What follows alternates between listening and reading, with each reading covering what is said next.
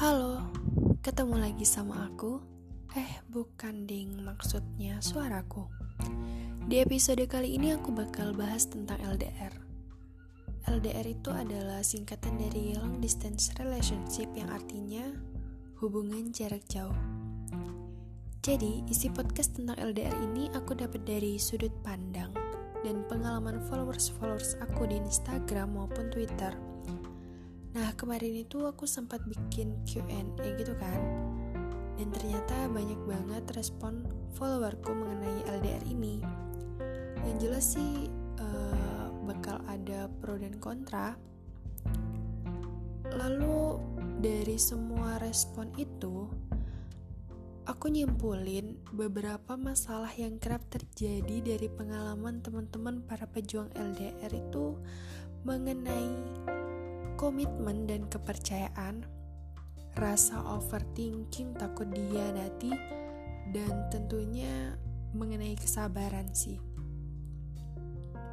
Aku bakal bacain beberapa komentar yang menarik dan kita bahas dikit ya. Yang pertama di Twitter dengan username today is underscore gigi.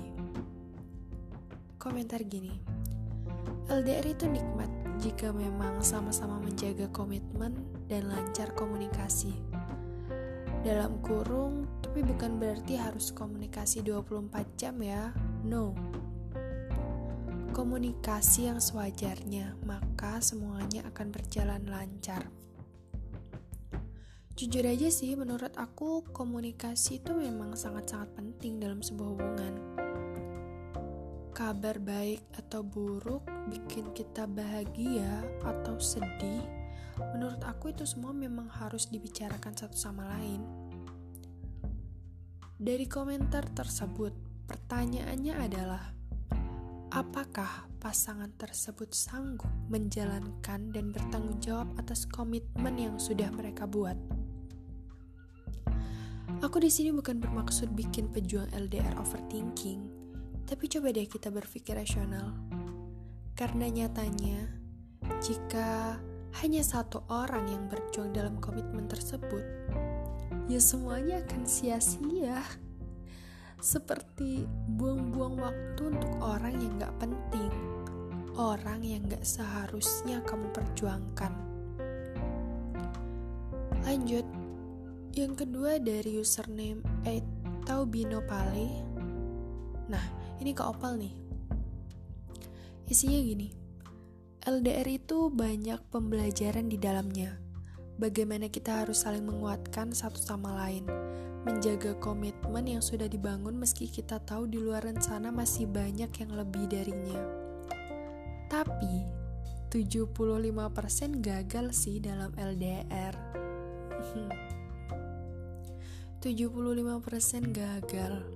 Sesulit itu ya ngejalanin hubungan LDR.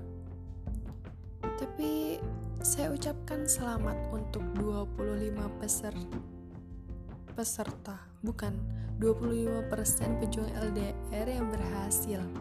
Gak kebayang sih saling menabung rindu satu sama lain. Pasti kalau ketemu bakal pecah nih. Oke, kita bakal move ke Instagram Kemarin ada yang respon Q&A itu gini. Dari username gong underscore agung. LDR Pasti endingnya pisah aja.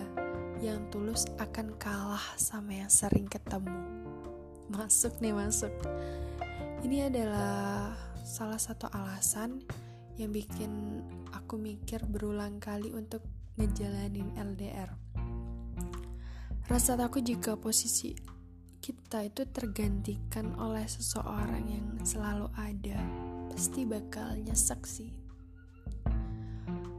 Di sini yang jelas kunci LDR itu ya emang kepercayaan.